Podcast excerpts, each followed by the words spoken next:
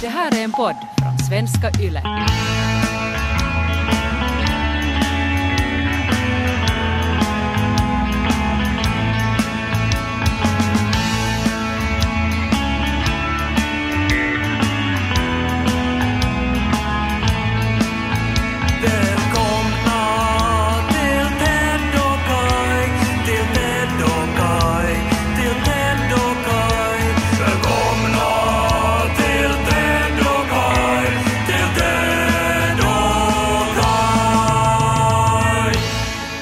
Du har kanske märkt direkt vad, vad det är som fattas. Här är mitt hem. Filisen. Ja, men om du försöker konkretisera filisen. Om det finns någonting i det här rummet som du på något sätt har tänkt att där växer filis Nå, det saknar ju taklister det i här en rummet. kruka. Uh, någon växt som har dött. Mm. Ja, den där är borta ju. Den Ja. där har varit där länge. Hibiskusen. Mm. Men ni hade ju den också alltså, längst bort från fönstret. Ja, vi har haft den på ett ställe där den trivts. Mm. Där den, den har frodats, den har mått bra. Mm. Filisträdet. Ja, Alltså, men den det är ju bara... dött. Det har ju inte frodats så mått bra. Nej, det har ju inte. Och jag är ju kanske inte liksom känd för att ha gröna fingrar, eh, utan att det är någonting som jag, vi, vi alla här i vårt hem jobbar med, alltså att få de här växterna att fortsätta leva. Men att den där hibiskusen så har det gått ganska bra med. Den har på något sätt förstått att man måste både ge och ta här i livet. Man kan inte bara sitta här och på något sätt bli duschad och få vatten och på något sätt tänka att det räcker. Ibland går det långa perioder utan vatten. Man kanske glöms bort, man kanske får för mycket vatten sen när ens ägare får dåligt samvete och sådär. Och att man bjuder till. Och det har den gjort. Och plötsligt en dag så börjar den vissna. Och nu har den dött. Och vad är problemet, tänker man ju. Vi har ju misskött den precis som vi alltid har gjort. Nu har jag då googlat och det finns en väldigt simpel orsak som ligger bakom det här fruktansvärda som har hänt. Ljusbrist, det är mitt i Nej. vintern. Etylen. Etylen. Etylengas. Ja, det, jag, jag måste erkänna att jag visste inte att etylengas Är det var det man svetsar farligt. med? Nej, det är acetylen. Ja, etylen är motsatsen till svetsgas. Det är en gas som julgranar utsöndrar. Och vi har haft hibiskusen bredvid julgranen för att jag på något sätt tänkt att de var kompisar. Och på något sätt tänker att man tar in en gran i ett okänt rum, ett okänt klimat. Vem ska man på något sätt så här ha som att ty sig till? Att det Men måste är det- finnas någon. Alltså, alltså den här, det, det, det som vi eh, tänker på som juldoft, alltså när Mm. man har en granen inne, är det, är det en gas som Ja. heter etylen? Ja, det är etylen. Och det där är otroligt giftigt. Alltså det där är som, som, som det värsta man kan sätta i luften för en hibiskus. Men- Alltså det, är, det är som att, att man på riktigt sätter in den i en gaskammare. Men kan annat levande påverkas av den här Ja, mördargasen? vissa frukter, vissa grönsaker, vissa andra blommor, men framförallt hibiskusen.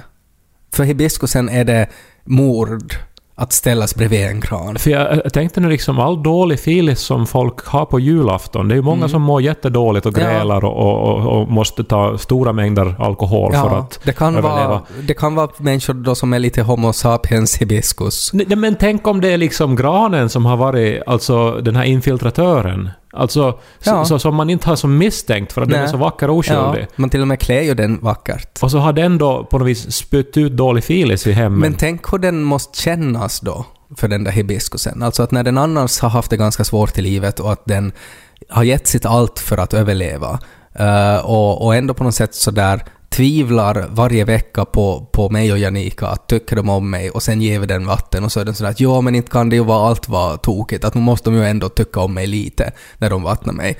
Och så plötsligt en dag då så öppnar den ögonen på morgonen och så ser den alltså det värsta det kan tänka sig. Alltså det, det, det starkaste giftet mot ens art finns då med vackra bollar Ja, och, och, sen, bredvid en.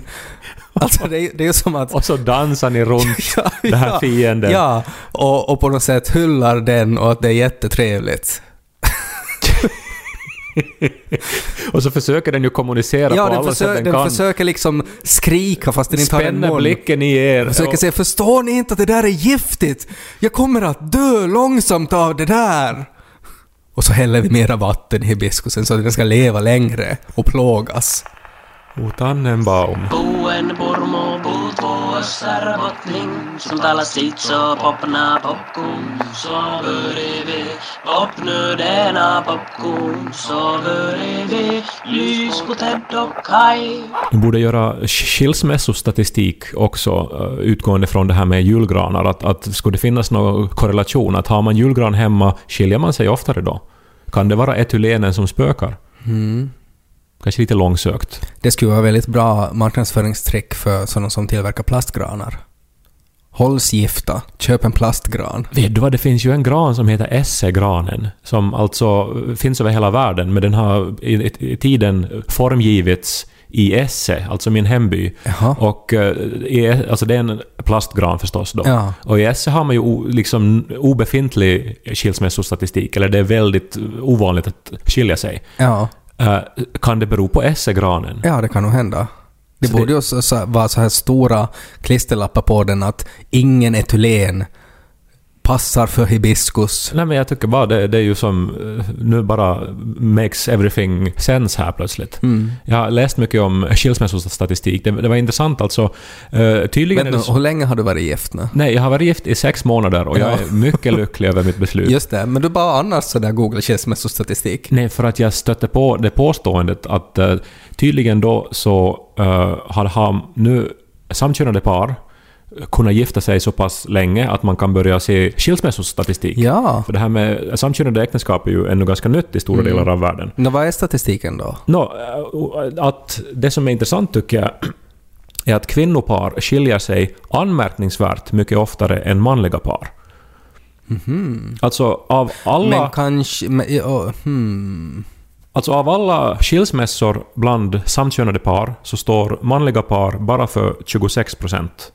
Alltså det är som tre gånger fler Men det kvinnopar måste än ju manliga par som synas skiljer på något sig. sätt i en annan statistik där då, att det måste vara lättare för kvinnliga par att gifta sig än för manliga par att gifta sig. Alltså det är rent psykologiskt. Ja, intressant. Det där är en av teorierna då, alltså att uh, kvinnliga par går fortare från, så att säga, första dejten till äktenskap. Ja. Att man gifter sig snabbare. Ja. Och att det då eh, i sig då är ju inte en automatiskt att man liksom sk- skiljer sig. Men i Nej, men det allmänhet kan, så... det kan ju vara en indikator för någonting liksom. Ja, alltså för ju längre man väntar på be- beslutet så desto mer har man ju hunnit tänka på det och, och liksom uppleva Mm. Och lärt olika känna den situationer. andra människan. Exakt, ja, så det skulle kunna vara en förklaring. Ja. Men alltså i Nederländerna då, eh, som då är det land i världen som har haft samkönade äktenskap allra längst, så har hittills 15 procent... Blir, blir, är Nederländerna då automatiskt liksom världens mest gay land? Nederländerna är ju mesta landet på många sätt alltså. Ja. Det är ju det lägsta landet också, men, men liksom allt är ju möjligt Det och lägsta landet? Nej men typ det är ju under vattenytan. De har ju måste eh, bygga liksom barriärer så att havet inte ska liksom ta deras eh, Så att liberalism. när, när, när polarisarna smälter så kommer liksom allt att rinna ner till Nederländerna. Nå, det är väl för att är det de är därför det heter Nederländerna? Nej men nu vet du väl det, The Netherlands, alltså det är, det är väldigt lågland alltså. Jag har aldrig tänkt på att det är därför det heter det. Ja, nå, men det är väldigt låglänt Mm. och platt liksom. Och, eh, men de har väl förberett sig väldigt väl för stigande havsnivåer tror jag. Okej. Så att det är väl inte som... Det är väl mera sådana här öriken ute i Indiska oceanen som är, som är riktigt hotade, alltså Maldiverna och sånt här. Ja. Men ja, men där då så har alltså 15 procent av alla manliga par som har gift sig där har skilt sig. Mm. Men 30 procent av alla kvinnliga par, alltså det är som en så enorm Det skillnad. är jättestor skillnad. En teori är också att eh, kvinnliga par tenderar att tolerera otrohet sämre. Mm. Eh, det här är alltså eh, teorier, alltså man vet ju inte vad det här beror på, men det är intressant tycker jag att eftersom det finns en sån här diskrepans att liksom fundera på varför det kan vara Men så. det finns alltså, jag vet inte om det här är så, men jag har för mig alltså att nu är det väl bevisat rent vetenskapligt att män, biologiska män, är mer sexuellt promiskuösa än biologiska kvinnor. Jag, jag, jag har inte läst undersökningarna. Ja, eh, alltså rent evolutionärt så ska man ju anta att det är så eftersom det är männen som ska mer sprida sin säd. Eh, så att det finns liksom belägg för det. Det där låter ju också som ett argument som Jean-Claude Arnault skulle kunna hävda till, till sitt försvar. det, är, det är problemet bara där. Men, Ja, men nej, jag, jag håller med, men, att, men om, om det är så, och som sagt, nu vet jag inte om det är så, så, så då skulle man ju kunna tänka sig att det skulle kunna ligga någonting i det då. Alltså att män är mer benägna till att förlåta en otrohet för att man är mer sådär att ja, vi förstår det, att man är mer sexuellt promiskuös, bla bla bla. Svenska Akademin. ja, men alltså så du då som heteroman, skulle Mm. du f- förlåta otrohet? Nu är det här hypotetiskt bara liksom. Nej, det beror helt på omständigheterna. Jag kan, jag kan inte säga liksom att det skulle... Att det finns någon sån här standardsvar. Nu skulle jag ju ha väldigt svårt med det, men alla skulle ju ha svårt med det. Men jag menar, det måste ju finnas också förmildrande omständigheter i det. Om jag skulle vara med om någon sorts frysolycka och liksom frysa bort alla mina uh, organ så att jag inte skulle på något sätt kunna liksom tillfredsställa min partner på något sätt. Nu skulle jag ju då vara mer så här benägen till att okej, låt gå den här gången för jag förstår det för att själv består jag till 75% av iskuber. och att det är inte det sexigaste som finns. Jag, jag ser bara nu Ötzi som ligger i sängen. Ja, Och så men om- Att, åh, åh, gå, gå, ta, ha roligt bara. Ja, ja men om, i en sån situation Ja, en, annan eh, Det där, det där är roligt också för att, att det är alltid sådär att när, när forskarna på något sätt i DNA kan läsa in så jättemycket så att det skulle vara, kunna vara helt logiskt att det skulle finnas i någon så illustrerad vetenskap att ny forskning kring Ötzi, nu har de konstaterat han var helt okej med otrohet. Ötzi var pansexuell och förstod det där. Jag vet inte varför vi återkommer till Ötzi i den här podden. Nej men han är... Jag, Alltså om inte man vet vem Ötzi är, alltså han var ju den här is... Vad heter han? Ismannen? Va? Alltså en så här riktigt gammal människa som frös ihjäl någonstans i Sibirien och så högg de ut honom och så fanns han i alla Allers tidningar och alla... Han var ganska välbevarad. Ja, han var För att välbevarad. vara ett antal tusen år gammal. Ja, och så är Ötzi ett roligt namn också. Ja, man vet väl inte att han hette Ötzi? Hittar man hans körkort liksom på honom också? Nej, det, det på något sätt väl passa. Ja, men sen en annan teori då också, och det här tyckte jag var väldigt märkligt, alltså för att kvinnopar tenderar oftare också gifta om sig, alltså pröva på ett annat äktenskap. Och andra äktenskap håller tydligen sämre än första äktenskap, enligt statistiken. Och det tycker jag är väldigt märkligt. Ja, Om man nu en gång då väljer att gifta om sig då efter en skilsmässa, så borde inte äktenskapet vara liksom bulletproof då? när man skulle ju anta det, alltså att man ska vara ganska säker för sin sak för att faktiskt gå igenom det där en gång till. Och att om man också typ skiljer sig för andra gången, så då är det nog lite tokigt. Alltså det kan ju inte kännas jättebra det, alltså att man har begått samma misstag en gång till. Eller sen är det bara att, man, att det är så starkt det där att man vill vara gift. Ja, det är ju synen på äktenskap här också. För en del så är det kanske inte en så stor grej. Nej. Vi är väl mera på, på det viset i allmänhet konservativa i Finland. Att det är ju inte så många som har tre äktenskap. Nej. Jämfört med till exempel USA, där det är jättevanligt att, Ja, att, att gifta om sig. Mm. Men kan det då ändå vara då så att lesbiska par, kvinnopar, har oftare julgran än manliga par? Och att det är det här etylenen... Alltså det, det tror jag helt säkert. Alltså att om man tänker sådär bara igen, vä- väldigt mycket fördomar här. Jag börjar känna mig som Ötzi, för att han hade säkert också. Eh, Men om man tänker bara sådär i allmänhet i, i, i en heterosexuell relation, så nu är det ju kvinnan som mer ser till att på något sätt att hemmet faktiskt blir till ett hem. Alltså att när jag bodde ensam så bodde jag ju på något sätt så bodde man i en lägenhet och att man hade möbler där. Men att inte var det ju riktigt ett hem förrän jag liksom då flyttade tillsammans med Janika som ser till på något sätt att det faktiskt finns gardiner och sådär. Ditt hem blev ju, alltså för jag bodde ju med dig och, och vi hade ju båda två, vi var båda så här väldigt eh, ovana med att bo ensamma och vi inredde ju så som, så som man som barn gör. Alltså Ja, vi, vi hade... Vi inredde inom citationstecken. Ja, med det som fanns till så hade man ju inga pengar heller. Nej. Men att sen när du då var singel och skulle Mm. flytta till en etta, så då, då började du köpa såna här barstolar och grejer. Ja, liksom men det var ju också för att det var en svart etta. och rött var det, minns jag. och du hade någon James Bond-plansch som var så här Ja, halvsexig. Den på var nog jättehäftig den. Ja, nej men att, jag menar, nu hade ju gör det med att du insåg att, att okej, nu måste du som, som skapa ett hem som tilltalar kvinnor då. Mm. Men det, det, det gjorde det ju inte. Om man tänker sådär. Oftast är det ju så. Alltså, jag började... Janika drogs väl till den här James Bond-planschen no, och inte, inte var det ju den som, som inte vann jag ju henne med min James Bond-plansch. Att det, det är ju någonting liksom biologiskt fel där också. Alltså jag börjar ju tänka på de här, de här krogmålningarna i Vasa. Eh, om du har följt med den debatten. Jag, jag, jag tycker det, det är faktiskt en av de intressantare eh, in, valen av inredning på de senaste 20 åren. Ja, men det är ju det är ju på något sätt, alltså hur jag inredde min, min, min etta i Åbo, så är ju på något sätt enligt den logiken. Alltså sådär. För att det, det finns väl säkert någon tokig logik där också. Att jag menar att det här är väl sexigt och, och fint med, med, med liksom leprechauns som antastar kvinnor och, och där alla ser lite ut som den här den här målningen av Jesus som den här spanska kvinnan uh, fuckade upp och så skulle hon retusche- liksom fixa den och måla om Jesus men så började det se ut som en bonobo-apa. Uh, de ser ju ut lite så, de här målningarna också. Det är ju någonting off med alla face och sådär. Uh, och att, att det är på något sätt väldigt så här, alltså så heterosexuellt fel det bara kan bli. Det är väl på något sätt det som är det tokiga i det. Men för att återgå så tror jag alltså min, min huvudtes var det att jag tror att kvinnor i allmänhet är bättre på att inreda och därför så torde de ha julgran framom manliga par. Används etylen också uh, på något sätt uh, inom balsamering och sånt? Vet du det?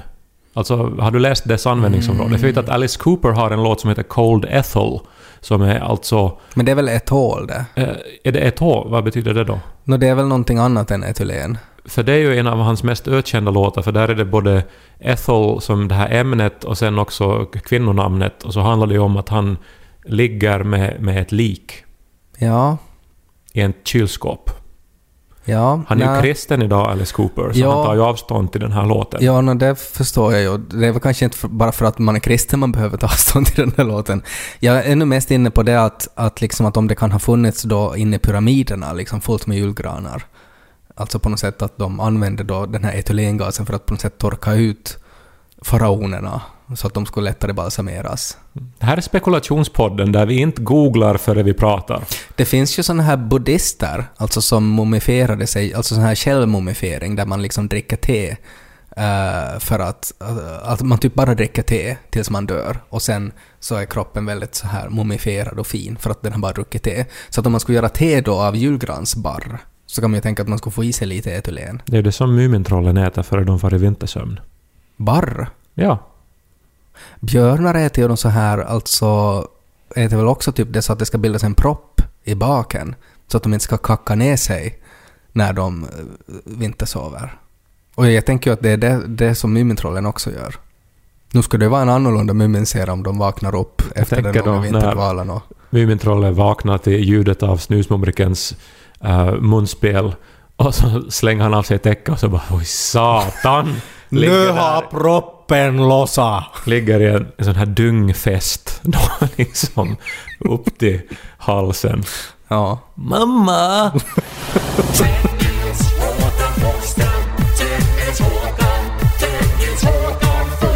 Nu är det väl också i heteropar så är det oftare kvinnan eh, som initierar en skilsmässa, som vill skilja sig, än mannen i de fall där det då blir skil- skilsmässa. Och det måste ju det bero på för att männen är oftast värre än kvinnor.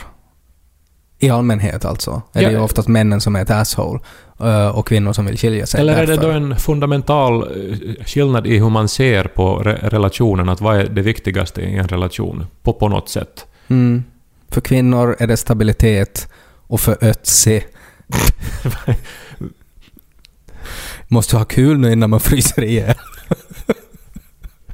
För Ötzi är det att få ut och vandra i bergen. Ja. Kanske var det så egentligen som Ötzi hamnade dit, att han var egentligen att han var i ett förhållande och han ville bara bort från det där förhållandet, så han bara vandrade högre och högre upp i bergen. Det blev kallare och kallare och han var så här, alltså jag kommer ju att frysa ihjäl nu så kommer de att hitta mig 40 000 år senare. Men hellre det än att vara gift med Hoaggo. Har du sett alltså fjolårets eh, bästa film, Marriage Story? Nej, som inte. ju alla talar om nu och som är Ja. nominerad till alla Inte hinner pris. jag se på någon film. Men den, det tar väl två timmar att se Ja. den någon kväll istället för att du spelar något så här Inte hinner jag göra det heller. 14-åringar från Texas, något sorts är skjuta dig i huvudet-spel. vi har spelat Så kan du se en och en halv timme på en sån här vuxen, eh, verkligt drabbande film om, om att leva tillsammans och om att uh, slita sig från varandra, fast man gör allt man kan för att hålla sig ihop. Mm, ja, det är många som säger att den är bra. Ja, den är jättebra. Där, där är det ju då, dels är det ju det är många saker som sliter dem isär, men framförallt är det ju då kanske karriärvalen, att man vill olika. eh, Och där då att man vill bo på olika platser och så vidare och att man inte klarar av att kompromissa. Mm. Men sen handlar det ju också om det här hur att vara tillsammans och det sliter på en. Det är ju någon som är på vässa. Just när man vill på vässa så är någon på vässa. Och, och, och det är någon som, som har lämnat någon sorts matrester på något fat i vardagsrummet och man stör sig på det. Och, och någon sitter i min stol där jag ska sitta nu. Mm. Men att det är ändå det här som är liksom livet. Ja. Det är ju det som den här vackra filmen äh, menar då att, att även om äktenskapet innebär mera problem att lösa än möjligheter så det här är det ju det som är livet. Nå, varje förhållande består ju av kompromisser. Det är ju, så är det ju alltid om du ska dela, dela det du har och det du är tillsammans med en annan människa, då måste du ju kompromissa. Sen skaffar man barn och så blir det liksom en, eh, kompromisser på kompromisserna. Ja, vi, vi blev lite be- besvikna jag och Nico för att den handlar så pass mycket om, om barn den här. Alltså den heter Marriage Story, det ska handla om ett äktenskap. Egentligen handlar det om att ha barn i ett äktenskap och hur jobbigt det är. Mm. och så här. Så, och för att jag tror ju att äktenskapet i sig är väl värt att analysera även utan barn. Alltså att med bara de här liksom två vuxna Mm. människorna som har gjort det här beslutet. Ja, alltså jag håller med. Det är väl på något sätt det att sen när man skaffar barn så då inser man ju liksom att aj, tro, tyckte vi att vi hade liksom jobbigt i vårt förhållande. Det var ju ingenting jämfört med det här. Barn är ju på något sätt det där som gör att allt annat får ett annat perspektiv. Jag såg en intressant kommentar på en uh, nyhetsartikel som handlar om ungas illamående. Så var det någon som spekulerade att, att det kanske beror på det att, att unga mår så dåligt idag just för att, att de inte skaffar barn. Mhm. Att det är ju ett sätt att sluta må dåligt. Det låter ju som att Momo har skrivit den där Ja, men det var, kommentaren. ju, det var ju en mommo som hade skrivit den där kommentaren. Men det var, en, det var intressant att det finns sådana tankar alltså för att Stod det någonting om att unga inte använder yllesockor också? Nej, men, eh, men det som det stod var att, att, att det ju lätt blir så, alltså att man blir illamående när man inte har någonting viktigare att fokusera på, som att få ens barn att överleva. Och då är man plötsligt i den situationen att man är sådär att ja, jag vet inte vad jag vill göra med mitt liv och oj, oj, oj, klimatångest och sådär. Och att det har alltid funnits, men att först så skaffar man alltid barn och då slutar man bry sig om sådana saker. Och att den här mommons förhoppning var då att men kan inte ni bara sluta klaga och skaffa barn istället? Och jag tyckte det var intressant. Ja, alltså helt klart det här eh, som man pratar om, bekvämligheten som gör att, att det föds färre barn än någonsin Mm. och också ett oroväckande litet Ja. antal barn. Så eh, bottnar ju, tror jag, i ett missförstånd om vad som gör en lycklig i livet. Ja, och tänk om det jag menar biologiskt är vi ju byggda så att vi ska skaffa barn, att vi, vi ska på något sätt söka efter andra människor. Ja, och det är ju väldigt eh, pedagogiskt. Alltså eh, kroppen, ända från att man är typ, nå, förstås hela livet, men jag menar när man är 11-12 år så då blir det väldigt påtagligt vad kroppen vill och vad, Mm. liksom, vad livet vill att man ska göra. Så är det. Och, och jag menar att, att alla liksom sådana här kriser man får i livet så har då att göra med att, att om man inte har uppfyllt kroppens behov som är då att skaffa barn. Och att det, våra hjärnor är, är på något sätt att, jag menar att, att, att det blir kaos i huvudet om man inte skaffar barn i en viss ålder. För att sen finns det, som, som det där, det finns ju någon teori om att, att, att man, alla de här 40-årskriserna och 50-årskriserna är för att, att det finns ingen plan, att hjärnan är sådär att egentligen borde du vara död vid det här laget. Och att det är som, samma sak, att om du inte har barn, att egentligen borde du ha barn nu. Och att nu, nu har vi bara ingen aning, så att här får du en dos klimatångest istället. Men är det då så att liksom mänskligheten är hibiskusen och eh, sen granen som nu då har tagits in i rummet så är den här eh, so- sociala mediernas fönster ut mot alla möjligheter i livet och allting man borde göra, allt man Ja. borde uppnå och hinna med och njuta av. Exakt, det är det som är granen. Och så dödar det mänskligheten lite Ja. i taget. Ja. Och att HVN får vatten och får, får uppmärksamhet och näring från andra håll så räcker det inte för att det finns ändå där. Den där jävla granen. Tack och lov finns det gaypar som kommer att rädda mänskligheten här. Så hör av er om ni har en livmoder. Så kan vi kanske eh, träffas och, och dricka kaffe. Ted och Kai at om du har en livmoder.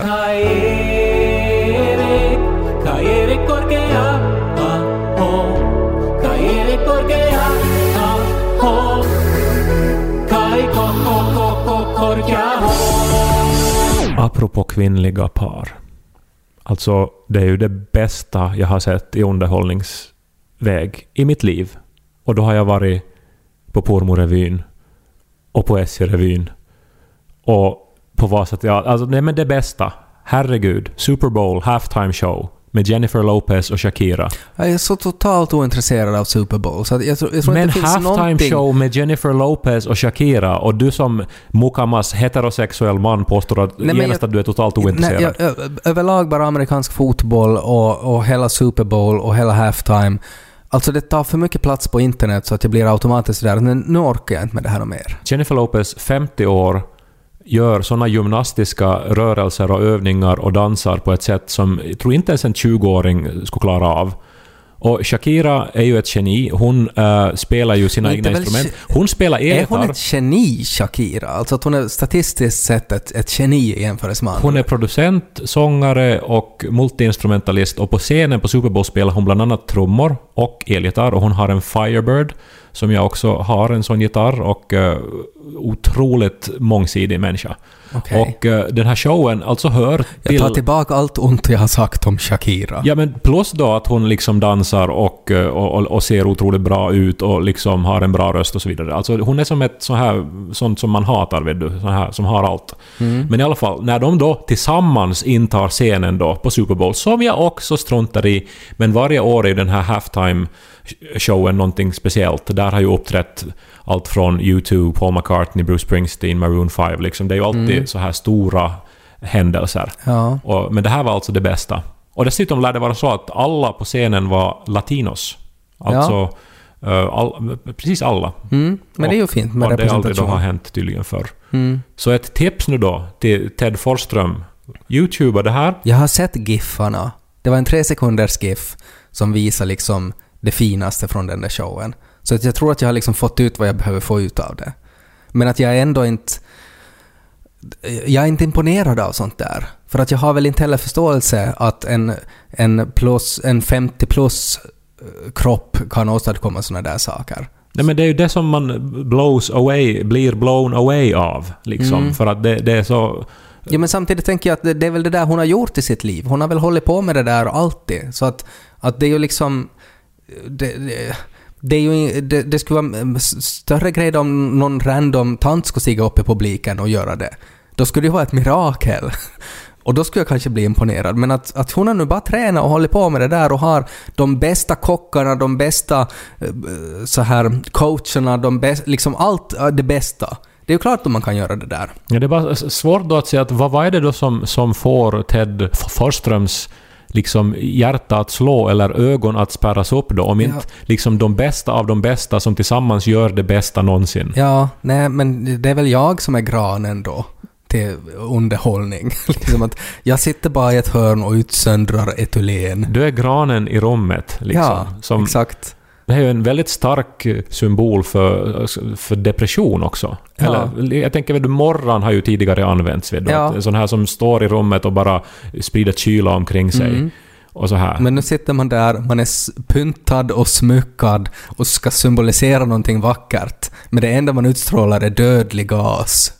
Som förgiftar andra vackra saker runt omkring en. Som en hibiskus. Det som skiljer Shakira och Ötzi åt är att Ötzi hade Ted Forsströms gransällskap. Det var därför han får ut i bergen. Hellre får jag ut och fryser ihjäl. Jag tycker det är intressant med den här trojanska hästaspekten här att faktiskt om det i alla år har varit så att vi har tagit in en fiende som vi har trott att har varit välvilligt sinnad men egentligen så har den bara förstört allting. Ja, och det är ju så fint också. Alltså att ni inte ens liksom dödar alla blommor, utan det är bara de blommorna den hatar mest. Hibiskusen. För att vi skulle ju ha märkt det. Om, om så fort man tar in en gran så skulle alla andra växter ha dött. Så då skulle man ju ha hockat det och man skulle ha slutat göra det. Men när bara en hibiskus dör så är man ja, ja, det var väl dens tid nu. Tänker man. Eh, så att, att det, det, det är så insidious. Jag vet inte vad det heter på svenska. Ja, eh, jag vet inte heller. Men så här listigt ondskefullt. Slukt. Ja, det slugaste trädet, granen. Men nu är den avslöjad. Så nu vet vi alltid det att om, när det är jul nästa år, om ni har en hibiskus, så för dem till ett annat rum, Eller bara prioritera hibiskusen. Sätt glitter på den istället. Fuck granen. Eller skaffa en essigran. Ja, det är ju ett alternativ. I och för sig blir julen nog förstörd då också. Varför det? Nej men plastgran från Essie, vad tror du?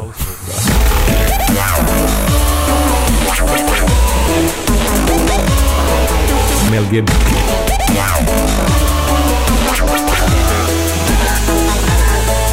Househop.